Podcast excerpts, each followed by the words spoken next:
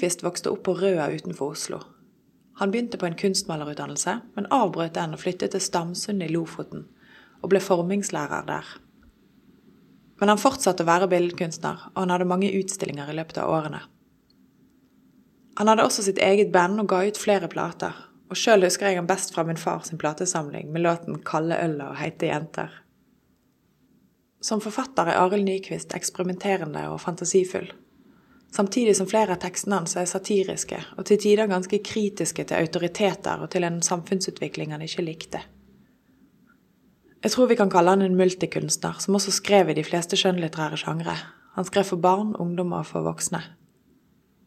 Litteraturprofessor Eirik Vassenden har valgt seg tre diktsamlinger, og holdt foredrag om disse i biblioteket sin serie Til kjernen av poesien. Til dette siste og tredje foredraget har Vassenden med seg diktsamlingen Havet. Boken kom ut i 1985, og da hadde Arild Nyquist allerede 20 år bak seg som forfatter. De to første foredragene, som var om Walt Whitman og om Inger Hagerup, kan du også høre som podkast. Hvis du har lyst til å følge podkasten vår, så kan du søke oss opp i iTunes eller i podkastappen din, og abonnere på oss der. Men nå skal du få høre hvorfor Eirik Vassenden mener at havet skal med når vi skal til kjernen av poesien. Tusen takk. Eh, og ja, eh, da er vi jo altså på den siste av tre forsøk på å komme til kjernen av poesien. Og jeg skal, begynne med en liten forklaring da, som jeg har gjort de to andre gangene. Ja, Hvorfor har jeg valgt denne teksten? Hvorfor har jeg valgt uh, Arild Nyquists uh, ganske riktig noe litt glemte diktsamling 'Havet'? Et dikt om livet og døden. En diktsamling som jeg sjøl heller ikke hadde et veldig nært forhold til i, da den kom ut, eller fikk et veldig nært forhold til da den kom ut i 1985. Da var jeg 14 år og opptatt av andre ting enn å lese eh, eh, norsk poesi. Er det fordi det er så å si, at den, den, er så god at den er uomgjengelig? At den må være med i en sånn diskusjon av kanon? Er det fordi det er det perfekte havdikt, så å si? Eh, altså det har jo kommet ut en del, en del tekster om og en del eh, bøker om havet eh, de siste årene. Naturlig nok, kunne man si. Det er mye å si om havet. Det er mye å mene om havet. Eh, spesielt kanskje i vår tid. Havet stiger. Temperaturen stiger. Fisken som svømmer i havet, er langt på vei i ferd med å bli menneskeskapt i en viss forstand. Mange ting å, å tematisere. Er dette så da så å si det ultimate havdiktet? Eh, nei, det er ikke det. Jo, det er heller ikke det beste. Og det er heller ikke diktsamlingen sånn sett eh, så å si i en større sammenheng. Den er heller ikke blant de aller beste diktsamlingene jeg vet om. Jeg er faktisk egentlig på, på, et, på en, en, måte så er jeg tilbøyelig til å være litt enig da med, med eh, noen av de anmeldelsene som Eh, denne diktsamlingen fikk da den ble gitt ut. Eh, VG sin anmelder til trillet terningkast tre av ti den gangen. Det hørtes litt eh, rart ut, men tre av ti øyne på terningen. Og var ganske kritisk. Og det er en del ting man kan si om den diktsamlingen som gjør at den ikke er blant de, blant de aller ypperste verker i verdenslitteraturen. Men eh, jeg har valgt den fordi den er i glimt helt, eh, etter mitt syn iallfall, strålende god. Fordi den også er eh, kanskje til og med en viktig bok. Og fordi det er en sånn tekst som minner oss på at det ligger noen sånne nedstøvete og kanskje litt sånn bortgjemte, bortglemte eh, tekster i diktsamlinger i arkivene våre som handler om veldig mye annet som helt, helt ny litteratur også handler om. Uh, vi er nå inne i en periode der der det kommer ut en ny økokritisk diktsamling eller roman. Eh, eh, om ikke hver uke, så i alle fall eh, en god håndfull hvert semester. Og dette er en tekst som helt åpenbart går, går rett inn i denne, denne nyere tradisjonen. Da. Og på mange måter, akkurat som, som dette Whitman, uh, denne Whitman-boken 'Leaves of Grass', som, som uh, vi hadde oppe da vi var i dette rommet sist, så dette er også en tekst som på veldig mange måter snakker med eh, en del av samtidspoesien. Dette er også nemlig eh, et langdikt, kunne man si. Et langt, fortellende, episk dikt som, som har en, en, eh, historie å fortelle, og ikke en hvilken som helst historie. En, en skapelseshistorie er det som da skrives fram i denne boken. her, fra, fra det luft, sol og vann, hav, til den samme så å si, sivilisasjonen eh, vokser frem. Eh, dyr, mennesker, kulturer, eh, sivilisasjoner. Og til disse sivilisasjonene da også går dukken, og alt som er igjen, er det samme vannet, det samme luften og lyset som ved begynnelsen. Et slags apokalyptisk eh, dikt, skrevet naturligvis midt i den kalde krigen. 1985. Det var vel omtrent der det var på, på sitt kaldeste. Hvis man skal peke på kan godt være åpne med, med gode teksters svakheter. Det syns jeg er helt ok. Hvis man kan mene noen, da, eh, f.eks. i lys av at VG eh, gir denne boken, som jeg holder veldig høyt, eh, terningkast tre, så kan man være enig i at den er litt ordrik. Det er, det er en litt sånn pratsom eh, diktsamling. Det er ikke konsentrasjonslyrikk. Det er ikke den kompakte, tette poesien der det stiger et mangfold av eh, betydninger ut av et veldig lite og kondensert språkstykke. Det er tvert imot en tekst som brer seg ut over mange sider. Som forteller en, eh, en, en, eh, en omfattende historie med massevis av hva skal man si, overflødig eh, tekst. Overflødige tegn. Overflødige klanger og lyder. Eh, også fordi den, den, er karakteristisk på mange måter for, på, for et, et, et, viktig aspekt ved Arild Nyquist sitt forfatterskap som sådan, nemlig det lekne. Det er ikke en forfatter som er gjerrig, det er ikke en forfatter som holder igjen. og det er En forfatter som, en forfatter som så å si lar det strømme utover sidene. Da.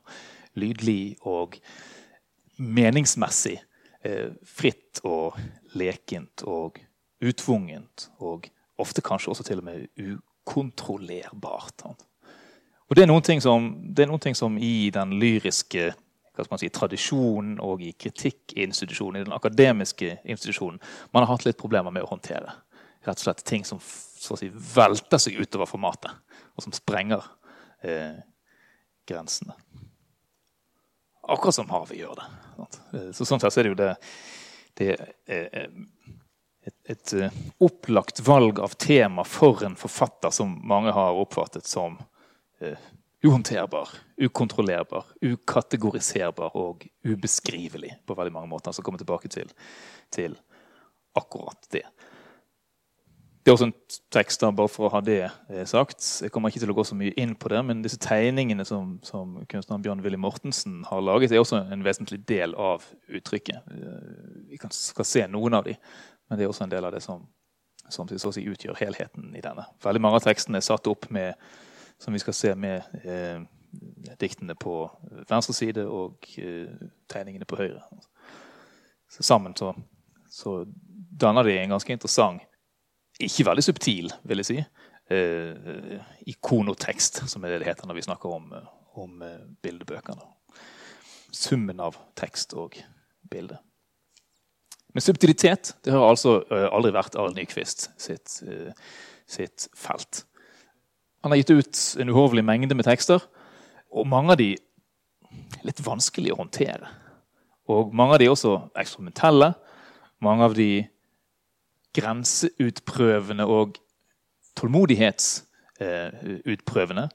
Særlig da tenker jeg på den diktsamlingen som dere kanskje eh, kjenner. Nå er det jul igjen. Og andre dikt som kom i 1972, og som ble gjenstand for eh, det som vel må være den mest si, spektakulære mottagelsen noen bok har fått i, i, i nyere tid. I alle fall. Jeg kan ikke si norsk litteraturs historie, men i alle fall i nyere tid. Det har vært bøker som har blitt beslaglagt og brent og skaffet forfatterne eh, 60 dager på vann og brød, som eh, Hans Jæger eh, fikk da, og eh, rettssaker osv. Det nå er det jul igjen eh, lyktes å skaffe Arild Nyquist, var eh, første oppsideoppslag i VG ikke bare én dag og ikke bare eh, en uke, men altså hele den siste, ja, de siste halvannen månedene eh, før jul. var dette en, en, en løpende diskusjon. da. Og ikke bare hvilke som helst førstesider. Her er førstesiden sammen med Vinmonopolet sin eh, annonse der man anbefaler at juleinnkjøpene foretatt, anbefaler julekjøp foretatt snarest mulig. Man vil da kunne regne med en rask ekspedisjon og en tilfredsstillende avvikling av juletrafikken. Det er flott dikt i seg sjøl. Tomflasker kan vi dessverre ikke ta imot i desember måned. Eh, som flott eh, tidskulør. Men så altså da VGs anmelder Bjørg Jønsson, Jønsson som, som, da eh, slår til og eh, angriper Arild Nyquist. Eh, dette er jo egentlig et angrep på hele den norske statlige innkjøpsordningen som ble etablert i 1965, samtidig med eh, opprettelsen av Norsk kulturråd og som biblioteket selvfølgelig kan takke for eh, at samlingene er så eh, omfattende som de er. Vekk med skrotet, skriver Bjørgønsson på førstesiden av VG. Fei vekk søppelet osv. En anmeldelse da formet som et åpent brev til Forfatterforeningens Ebbe Haslund. Det er en helt, eh, på en måte en helt grusom historie, og den blir også grusom hvis man leser Nyquists egen eh, beskrivelse av hvordan dette ble opplevd da han satt opp i Lofoten eh, som, eh, som eh, formingslærer på en skole og ble møtt da, av kollegaer som hadde lest avisen. Han hadde ikke lest avisen, han kom på jobb. Kollegaen hans hadde lest avisen. Og en nervøs, ung forfatter som da så å si får sitt, sitt, sitt, sitt, første møte med denne delen av norsk offentlighet, da, som, som, viser seg å være ganske nådeløs. Og denne diskusjonen den gikk da fra, fra slutten av november og uh, ut i januar og pådro seg en lang lang rekke med debattinnlegg. Veldig mange, veldig få til støtte for Arild Nyquist. Veldig mange som følte behov for å uttrykke da sin enighet, sin, sin sympati med eh, kritikeren som da tørte å si det alle mente. Altså, det er alltid noen som tør å si det alle mener, men ikke tør å si. Og veldig ofte så går det da utover en part som er mye svakere enn den som da endelig tør å ta bladet fra munnen. I dette tilfellet Arild Nyquist, som da hadde gitt ut en og en halv bok før dette. Det fins en historie som sier at, um, at uh, diktene til Arild Nyquist ble lest opp i Stortinget til spott og spe for å advare mot konsekvensene av innkjøpsordningen og forfallet. Det er ikke riktig. Uh, det er ikke helt sant. Uh, det er egentlig noe som står bakerst i boken. Einar Økland skrev nemlig et etterord til en kommentartekst til dette der han foregriper veldig mye av det som kommer til å skje i resepsjonen. Han skriver bl.a. at vi faktisk kan se for oss et scenario der disse diktene blir lest høyt i Stortinget. Det ble de altså ikke. Men i Norsk litteraturhistorie som Øystein Rottem skrev og ga ut i 1998, der står det at diktene ble lest høyt i Stortinget til spott og spe. Altså sånn kan litteraturen drive og forme eh, vår virkelighetsforståelse, kunne man si. Og disse diktene er jo de er utrolig flotte. Det, det, er noe helt sånn grenseløst uh, over, uh, over Nyquists 'Nå er det jul igjen'. Jeg skal ikke lese det. Det er en underholdende tekst som dere kan oppsøke sjøl, og, som dere også bør lese høyt for klanglighetens og repetisjonens og ren, den rene og skjære utmattelsens skyld. Det er en tekst som virker fysisk på, på leseren og på publikum. Men, men det altså det, det som kjennetegner dette, er at det er noe som tillater seg å tulle. Tillater seg å drive med På dette tidspunktet er jo det en allerede en etablert tradisjon, da, men tillater seg å drive med nonsens.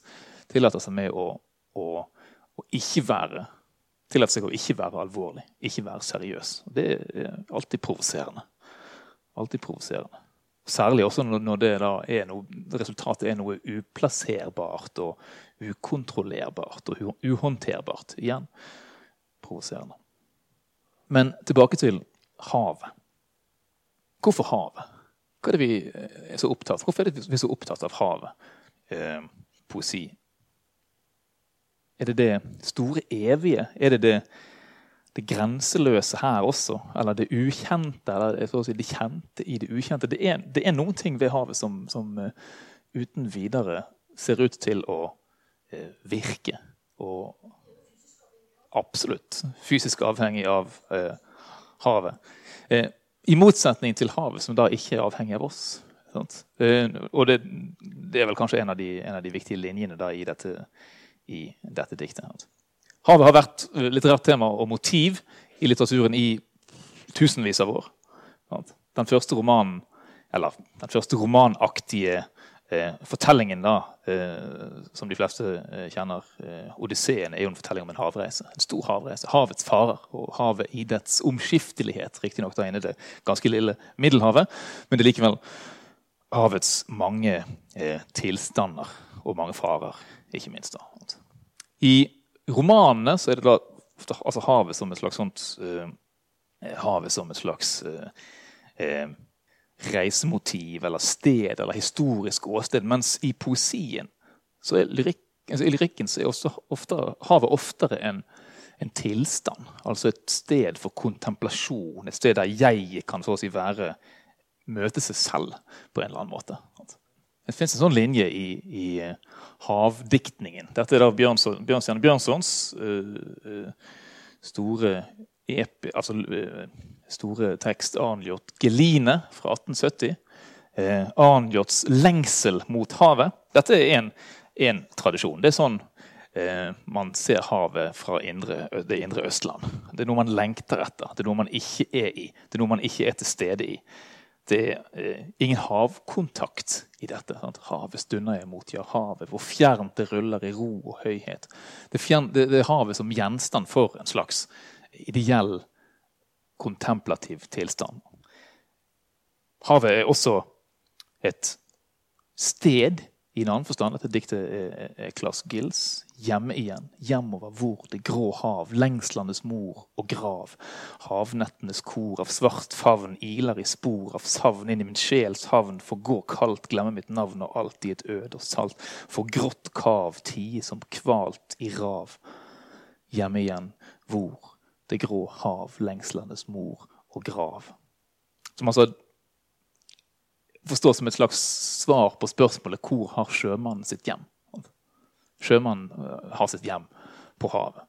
Eh, og det er en tekst som håndterer noen sånne, noen sånne eh, si, lyriske eh, klisjeer her. Sant? Rimrekkene hvor, hav, mor, grav. Dypt sentimental på en måte. Salt, kav, kvalt i rav. altså mye sånn det sjømannens salte, uh, salte gråt fins i denne teksten. her. Samtidig som det også da er uh, en tekst som, som, som rommer en slags grunnleggende sannhet om det reisende mennesket. Som alltid er hjemme i sin arbeidsplass. Da som alltid er til stede i det. Men, men med en veldig klar eh, distinksjon mellom sjømann på dekk og elementene som han da er prisgitt i og befinner seg i. Altså. Det er ikke et lengselsobjekt som hos Bjørnson. Det er et sted han, sted han da er nødt til å kalle sitt hjem. En annen måte å tenke havet på finnes i dette diktet fra Ketnes. Blindgjengere heter diktsamlingen fra 1969. Det er altså en slags sånn hypotetisk forestilling om hva En annen måte å se havet fra. En annen måte å se havet som en slags allianse mellom farkosten og det farkosten eh, reiser på. Um, uten uh, menneskets tilstedeværelse, kunne man si. Også. Det måtte være fint å gå ut med storm og uvær som venner, alliert med tåkefabrikkene, ulykken god nok der det båtene vil, trekke seg fra det hele, gå ned i sin egen forestilling om trygghet, legge seg til ro på bunnen. Det hele er et hypotetisk eh, scenario, men som beskriver det vi kunne kalle en slags sånn, uh, entropi. Altså uh, energiens bortfall. Båtene slutter å fortrenge vannet, det som gjør at de flyter, og bare legger seg helt, helt til ro for å hvile på bunnen. Det er kanskje båtens frihet, da, når han slipper å drive og demonstrere Arkimedes sitt oppdriftsprinsipp og bare kan synke til bunns. Um, en annen måte å tenke havet eller se havet finner vi et, et, et, et flott uh, Rolf Jacobsen-dikt. Så nå begynner vi å nærme oss kanskje den, den måten å, å, å, være i nærheten av havet på som Nyquist sitt dikt demonstrerer for oss. Hyss, sier havet. Hyss, sier den lille bølgen ved stranden.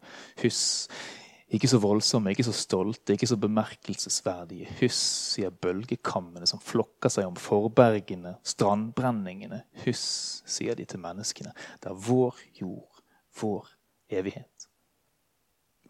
Denne lyden som bølgene lager av det de slår mot rullesteinstranden, kanskje. Den lille bølgen.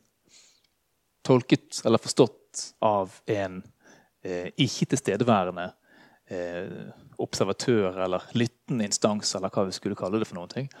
Men som også da tolker disse, disse eh, lydene som advarsler. Som betimelige eh, beskjeder til de stolte, de bemerkelsesverdige, de voldsomme menneskene. En påminnelse om hvem det er som eh, så å si eh, er både opphav og eier. Og det er ikke menneskene. Det er bølgene. Husk, sier de. Det er vår jord, vår evighet. Hvilket er en ubetvilelig sannhet. Våre liv er, er begrenset. Bølgenes liv er ubegrenset, som havet selv.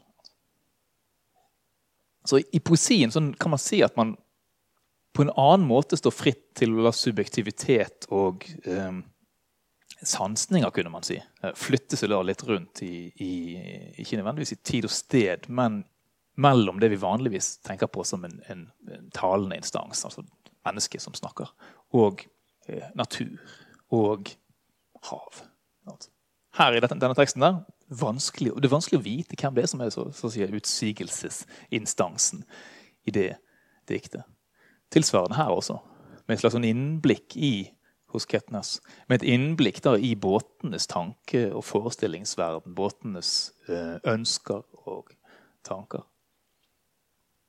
Hos Jacobsen kan vi tenke oss at, eh, at eh, den som skriver eller sier eller tenker eller utsier dette, er også en instans som har tilgang da, til Som er, som er, i stand til å uttolke eh, eller avlytte meningsinnholdet i disse lydene som bølgene lager. Altså det er et jeg som da nærmer seg, eller står nærmere havet, bølgene, enn det jeg som da lengter etter fra et sted innerst i, i Telemark, eller hva det nå måtte være. Arnljot Gelin, som lengter etter et hav han står langt unna og ikke har kontakt med. Han er ikke våt på føttene eh, i det hele tatt. I motsetning kanskje da kunne vi tenke oss til, til det jeget som skjuler seg i begge disse tekstene. Når vi da nærmer oss Nyquist sin diktsamling, så er vi transponert helt over i det feltet der det er havet da som, som selv fører ordet. Jeg er havet, jeg hviler i ro, hvitt er fargen min, hvitt. Jeg har ingenting å skjule, jeg har ingenting å skjule. Bølger dasker mot tusen strender, stemmer når meg aldri. Her er ingen. Fuglers latter, fuglers skrik, molimenko, stønn når aldri ned til meg. Her er ingen ørner, her flyr ingen ugler, her går ingen løver. Ingen slanger krøller seg her, ingen slanger slanger seg her. Ingen. Hvitt er jeg som alt det hvite, hvitt er jeg som alt det hvite i hvitt, hvitt, hvitt. Det havet som selv taler. Det havet som har fått menneskespråk og stemme, men det havet som da uh, slett ikke er menneskeliggjort. Vi kan jo ofte se det i poesien. Altså at, at uh, ulike skapninger, dyr, uh, ikke-menneskelige ting, et isfjell eller en sky eller et, et, ubestemmelig vesen av noe slag, en tanke, et begrep, får menneskelig stemme og trer fram og, og taler. Her er det havet som taler uten å være menneske, og uten å være en slags uh, metaforisk menneskeskapning. Altså Uten at vi på noen måte kan tolke det som, som et menneske som har forkledd seg. F.eks. som et isfjell eller en bjørn eller en maur, sant? sånn som i disse uh, dyrefablene. Det er alltid menneskelige karakterer og egenskaper som, som da viser seg fram i, i dyreham. Men ikke her. Dette er havet. Og når havet taler, så er det havets egne erfaringer som, som da trer fram. Noe som da er bestandig, evig på en måte, men også foranderlig. Hele tiden eh, foranderlig. Det er ikke for ingenting at, at, um, at man beskriver den oseaniske følelsen som da den både kaotiske og fruktbare og voldsomme og eh, aldri hvilende eh, tilstand. Det oseaniske er en sånn, er en sånn eh, kategori som nettopp da eh, trekker på havets, havets omskiftelighet. Så det er et par ting her som er litt, sånn, litt, litt rart. Litt underlig. Eh, hvitt er fargen min. Hvitt. Er ikke havets farge blå? På omslaget av denne boken så er, er, er havet blått. Uh, hvis vi går ned i, ned i byvågen her, så, så, er kanskje havet grått eller brunt, eller jeg vet ikke hva slags farge det, det, det har. Um, havet, er ofte, havet, er ofte, ikke så blått som vi tenker oss at det kanskje er. For engelskmennene, eller akkurat det med Nordsjøen, så, uh, så er det et underlig litt underlig farvann. Et av de farligste farvannene å seile på eh, vinterstid. Hvis dere tillater en liten digresjon her. Men for eh, oss er Nordsjøen Nordsjøen. For danskene er danskene Vesterhavet. For engelskmennene så er Nordsjøen det døde, grå havet i øst. Altså det useilelige og farlige eh, eh, farvann. Eh, vi ser for oss asurblå eh, strender og, og grønne tropiske farvann. Men havet, når det selv taler, er det altså hvitfargen det på, beroper seg. Og vi kan selvfølgelig tenke på, på eh, kokende farvann, kokende storm, eh, vindpiskete bølgetopper, forrevne bølger, eh, skum osv. Men det er ikke bare dit denne teksten bringer oss. Det er en slags insisterende eh, utslettelse av alt det som da ikke er hvitt her. Sant? Eh, havet definerer seg selv av andre eh, levende skapningers fravær. Fuglers latter når aldri ned til meg her. Her er ingen ørner, her flyr ingen ugler, her går ingen løver, ingen slanger krøller seg her, ingen slanger slanger seg her, ingen Hvitt er jeg som alt det hvite. Hvitt er jeg som alt det hvite i hvitt, hvitt, hvitt. Hvitt, hvitt, hvitt. For å ta oss litt uh, lenger uh, i denne fortellingen, da, så, så, viser han, som jeg har uh, så vidt sagt, seg å være en, en skapelsesfortelling. En fortelling som så å si lar liv og mennesker etter hvert tre fram. Jeg er havet, marmor i en bølge, klokke mot en sten. Jeg er snø som fugls fjær lunken bresprekk, alhambra, bratsj, ulv som fugls fjør, lunken bresprekk, alhambra, bratsj, silkespor. Her har vi fortsatt i altså hvite, hvite eh, motiver. Striper av grått skjærer inn i meg havets stemme, havets lune sang. Å, Molimenko, alhambra, bratsj, søvnig som natten, uglers hvite stemmer. Striper av blått danser rundt meg i en langsom sving, svinger hit, svinger dit, svinger seg.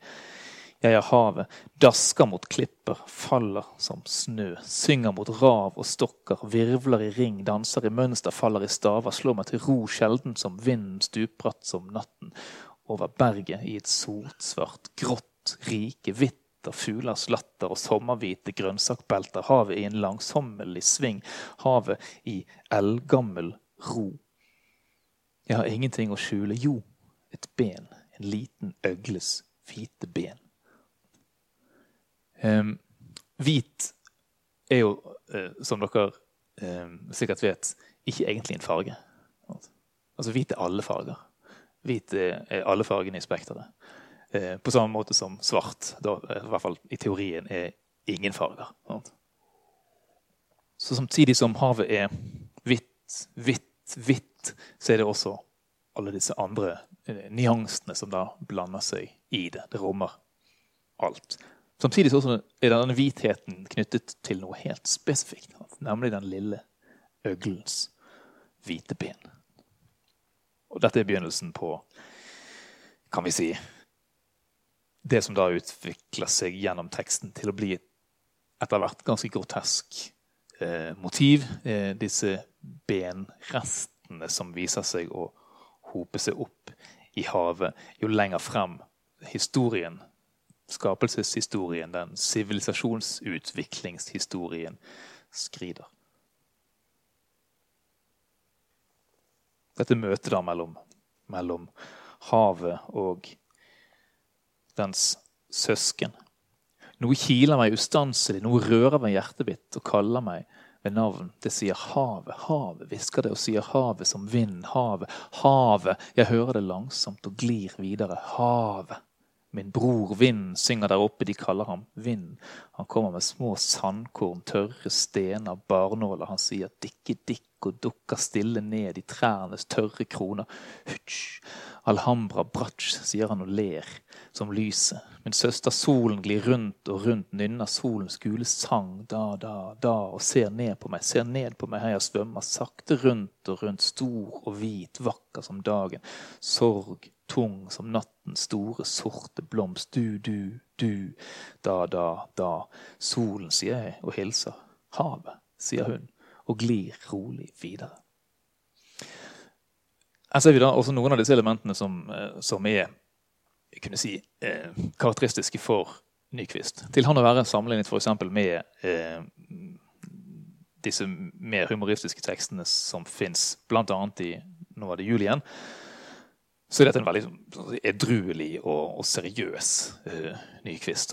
Samtidig så finner vi disse, disse uh, elementene av, av lekaktighet.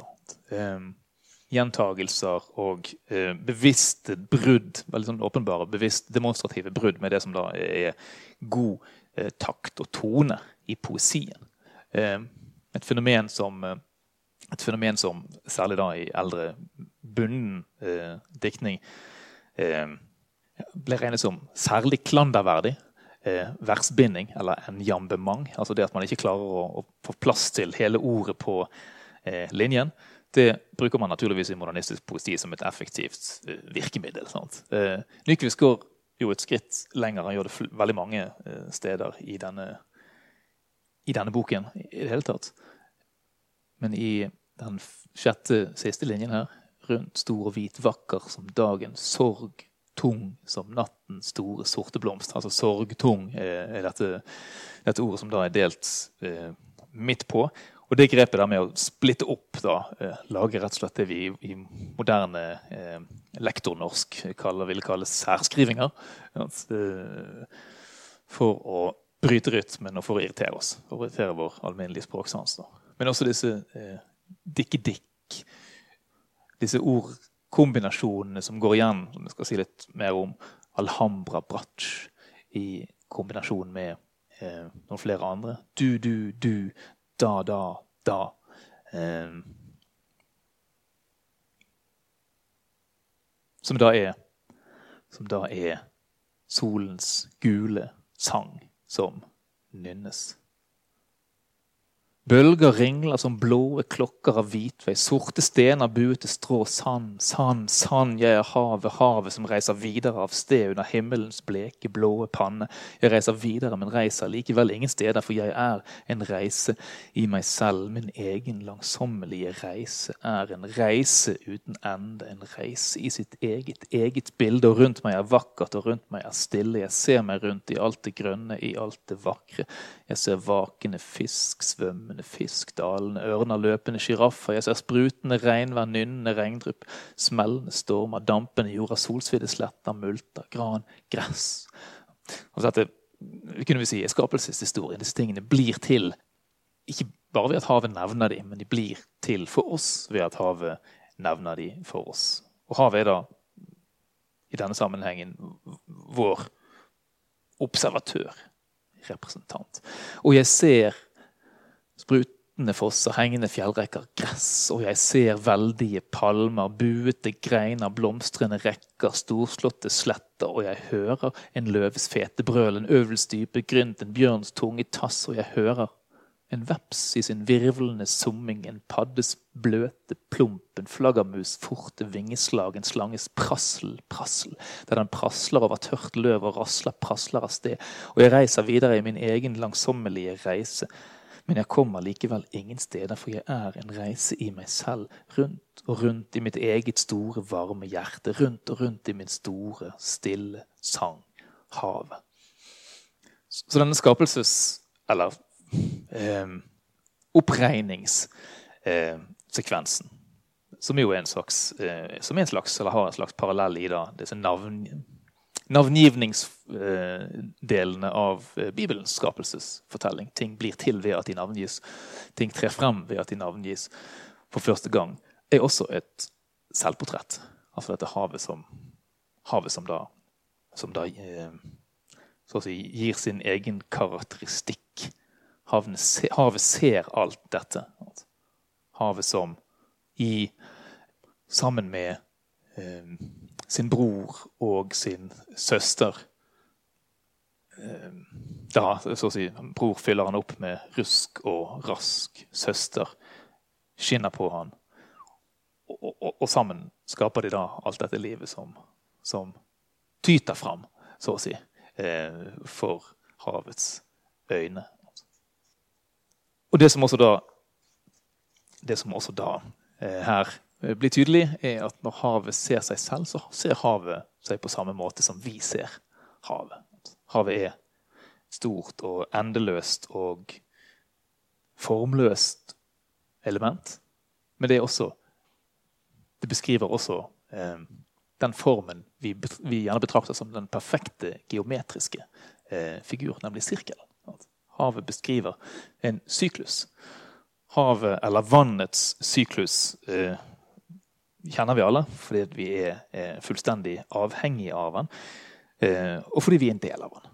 Altså alt, tenker på alt det vannet som finnes på kloden i dag, så har det alt sammen på et eller annet tidspunkt vært involvert i organisk liv. Det har vært del av fotosyntesen. Det har vært del av forbrenningen i en menneskekropp eller i en dyrekropp eller i et insekt eller hva som helst. Det har vært drukket og pisset ut og drukket og pisset ut i eh, uminnelige tider. Og Sånn sett så er havet da havets syklus, som igjen er jo det som, eller vannets syklus, da, det, som, eh, det som sørger for å fylle vann i våre vannbassenger, skaffer oss strøm til våre eh, videokanoner osv. Det er den samme syklusen som havet også ser seg selv som her. da. Så, så, her er vi foreløpig eh, så langt, på side 10-11 i denne samlingen, her, så er det en slags, eh, en slags eh, paradisisk eh,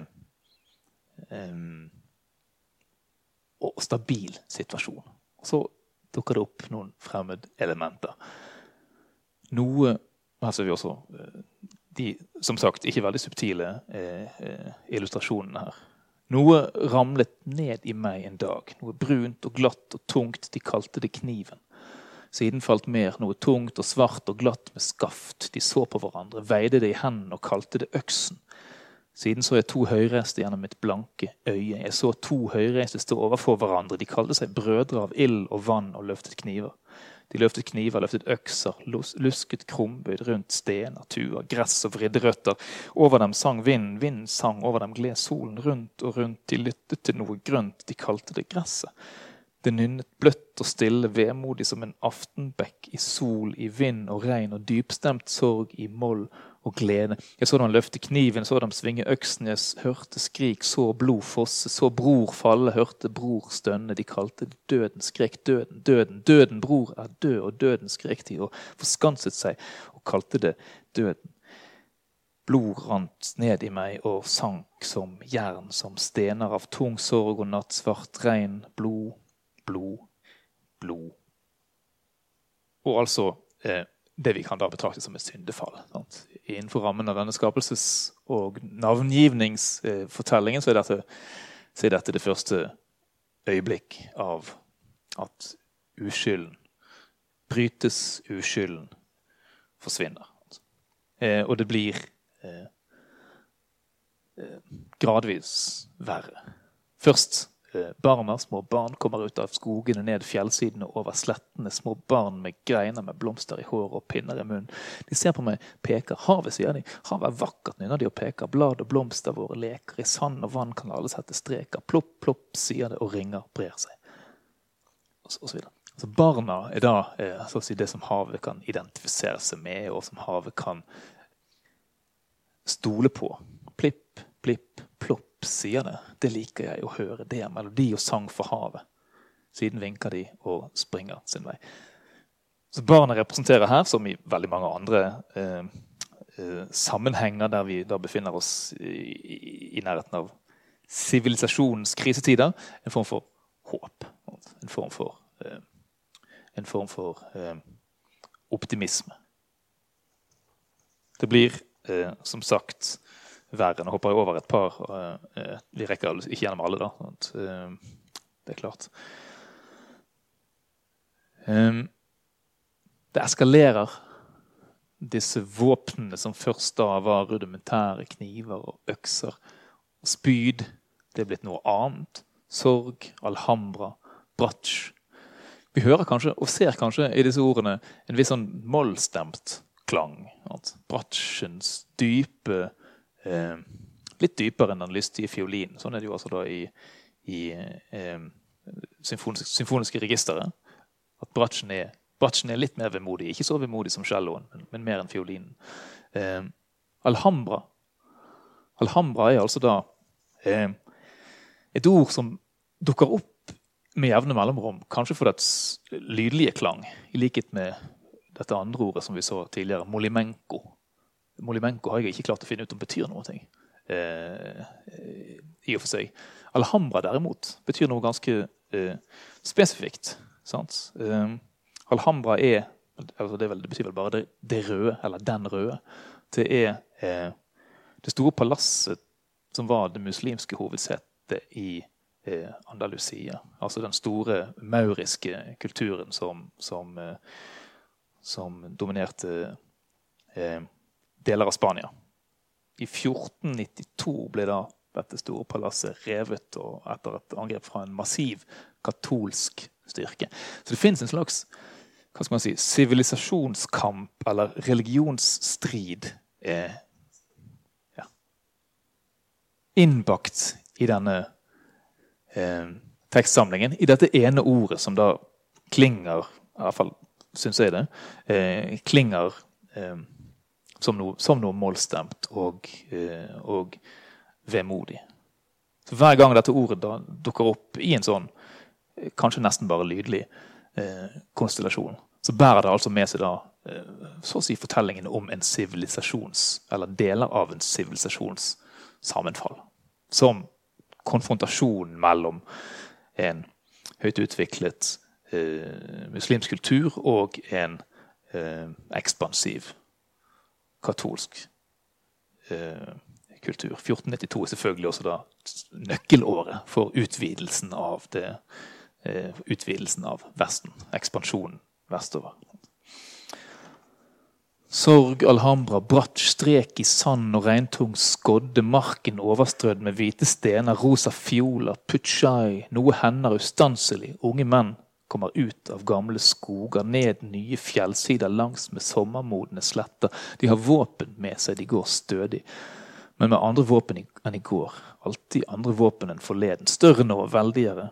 De skinner ikke lenger som av blankt tre, slipt sten, tungt jern, men som av hamret jern, skinnende kobber av stål, jeg sa stål. De stanser og ser på hverandre, vinden suser, de løfter våpen og nærmer seg hverandre, vinden suser, synger, danser. Ansiktene er som hugget i sten, hendene harde som fjellrekker, de peker på hverandre, deretter et hugg, et støt, et kast, så lyder et skrik. Over slettene et stønn under fjellene, noen faller og reiser seg, ikke. Ja, noen faller alltid og blir liggende, andre fjerner seg hurtig. Her hviler en død, sier jeg og betrakter ham der han ligger i sin blodige dyrepels, og den døde skrumper i solen, og den døde visner i solen. Visner til et stykke soltørr ved en sølvgrå stokk i sol og vind, og øynene hans synker til groper av hvitt uten noe gyldig blikk i. Og jeg sender en lang tunge vann inn og henter ham ut til meg og jeg sender en tung bølge av sorg og bærer ham ned til meg. Her sover en død, hvisker jeg og legger litt tang over ham, skjuler ham under skjell, sand og tomme snegler. Og så havet som, som, ikke bare som et magasin for alt det som da blir liggende i, i, igjen i havet. Våpen, bein, rester. Men også havet som eh, omsorg, kunne man si. Um, havet som en slags uh, ivaretaker av restene av det menneskelige. Jeg er havet, jeg har noe å skjule. Ben. Her blir dette hvite i tekstene. Eh, hvite i, i havet, som ble annonsert litt utydelig for oss, kanskje, innledningsvis. Jeg er havet, jeg har noe å skjule. Ben. Rekker av hvite ben ligger utover i meg på alle havets sletter, i alle havets skrå berg og daler. Her skjer ustanselig noe, hvisker jeg og trekker meg sammen. Brødre av ild og vann kommer over slettene ut. Altså voldsommere og voldsommere, stadig mer effektive eh, våpen som kommer til. Nye tider blir større, tenker jeg, sorgen stor, men flere ben nå overalt. Ben som knekker, faller og synker i meg, som knekker, faller og synker i meg. Og med sorg vet jeg at nye tider skal komme, tider med enda flere ben, mer blod, større smerter. Skrik, skrik, sorg og skrik. Molimenko, Alhambra, gravskrift, bratsj. Som biter av jern og sten vil verden synke i meg, fylle meg med blytunge tårer av ild og vann og ben. Ben, stadig nye ben stadig dette hvite. Hvitere. Hvitt. Sivilisasjonen um, beskrives etter hvert da, uh, i stadig uh, stadig tydeligere, stadig klarere uh, konturer. Og etter hvert som diktet da når frem til en slags moderne, en moderne virkelighet så trer også noen av de moderne elementene våre, i, i, vår kultur frem. Vi får høre om en, en tremann som blir tilbedt, Kristus på korset. Vi får høre om en trekasse som eh, etter hvert også blir tilbedt på omtrent samme måte som tremannen. De hvite har en kasse av tre foran seg. Den ser de inn i. Der inne bor virkeligheten. Der inne kriges det, og små barn sulter og dør. Huff, så trist med all denne krigingen, sier de. La oss slå krigen av. Så gjør de det, og krigen blir sort og forsvinner. Huff, så trist med alle de små barna som sulter, sier de. La oss samle inn noe til dem. Og de legger tre små penger i en kopp, og de legger tre små strømper i en ring. Og siden kommer det en snill mann som heter Røde Kors og bærer tingene deres inn til virkeligheten og deler dem ut til de små og sultne barna der inne. Og de små og sultne barna roper av glede og får brød for en dag eller to, men den tredje dagen er brødet oppspist, og den fjerde og femte dagen vender de små barna blikket mot jorden og dør én etter én. Det var kanskje dette Geir Johannessen mente når han da insisterte på å ikke gå i, ikke gå i fakkeltog for Albert Schweitzer den gangen i 1954.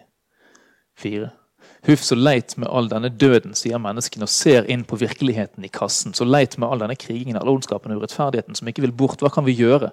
Så folder de hendene og ber om at tremannens far må gjøre slutt på krigens redsler og all urettferdigheten og ondskapen i verden, og at han må ta godt vare på de stakkars døde barna i sitt himmelske rike, for der oppe er alt godt, og alle er like for Gud, røveren og skjøgen, den fattige og han som stjal et brød. Alle er de like for Gud i hans himmelske rike, og de skal alle arve hans herlighet. Amen, sier havet i sitt ironiske og ikke igjen veldig subtile bønn.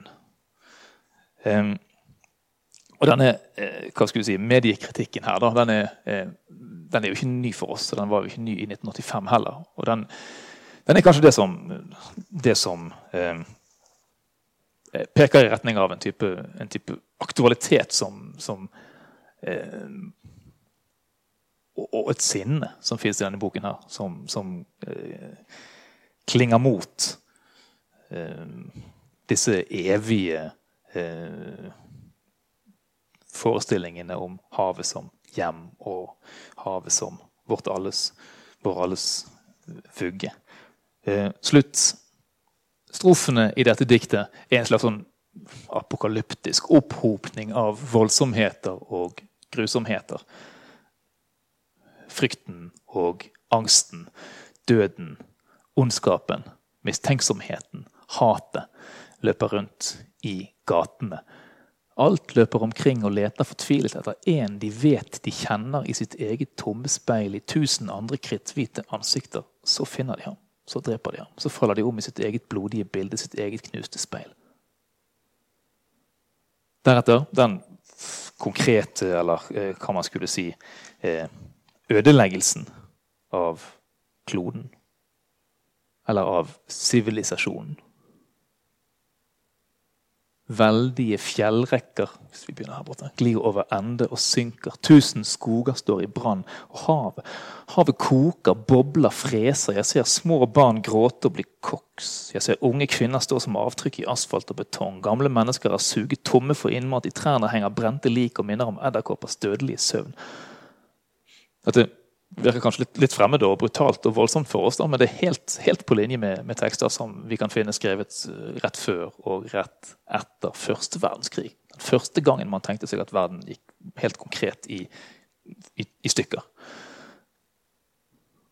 Og tekster som minner om noe man kan se i, i enkelte av de så å si mer aggressivt økokritiske tekstene som også utgis i vår egen tid. Og jeg ser ørnen der oppe styrte mot jorden i sin egen usynlige støvsky. Og fiskene fiskene har forlatt sine egne ben og skriker etter ben, ben, ben. Gi oss våre ben tilbake. Hva er det, sier jeg, og ser at livet i trekassen fremdeles går videre? Hva er det, sier jeg, og ser at tremannen stadig henger der neddynget av hvite ben, tusen veldige sorger, tusen skrikende synder, før han plutselig stuper fremover med en uhyggelig, uhyggelig skrik og brenner som alt annet brenner og brenner. Veldige flammer slår ut av den vrengte munnen hans, og himmelen hører man skrike om og om igjen. Som i, i Bibelens fortelling om Kristi lidelse. Jeg orker ikke mer, jeg orker ikke mer. Far, ta denne kalken fra meg. Så eksploderer trekassen og slynger millioner døde barn, milliarder brente lik, trillioner døde, brente, svidde hester, ugler, katter, blomster, skyer ut i kuvirkelighetens grenseløse kuvirkelighet. Og ingen ser dem falle som regn for solen, og ingen ser dem falle som støv for vind. Ingen, og alt blir stille. Som i en stor, evig natt. Jeg er havet.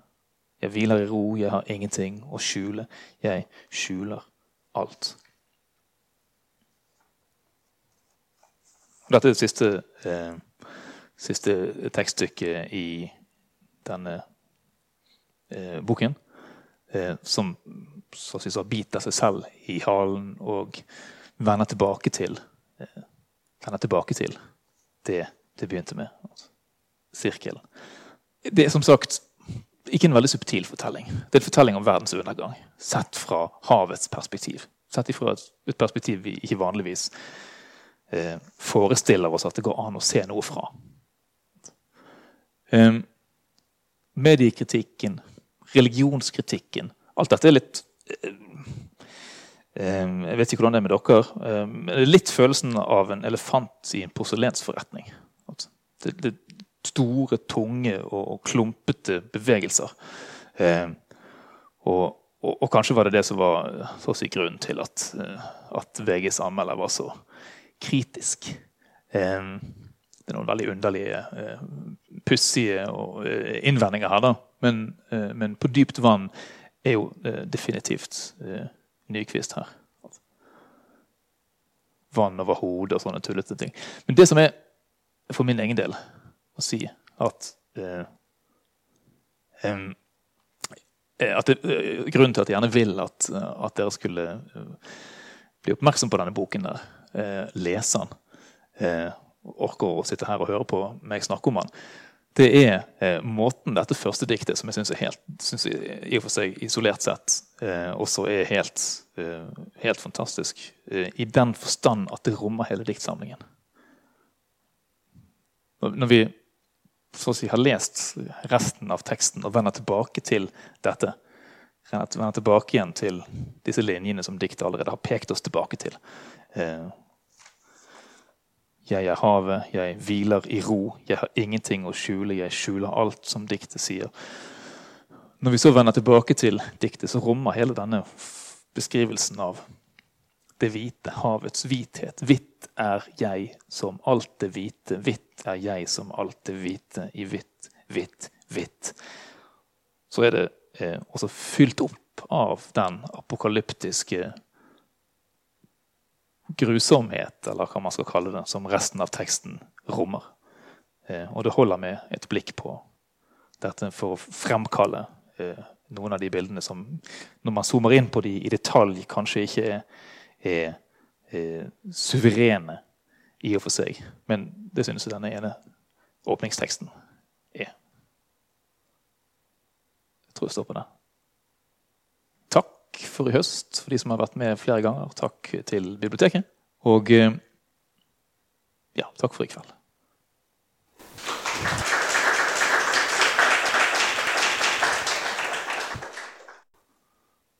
Du har lyttet til en podkast fra Bergen offentlige bibliotek.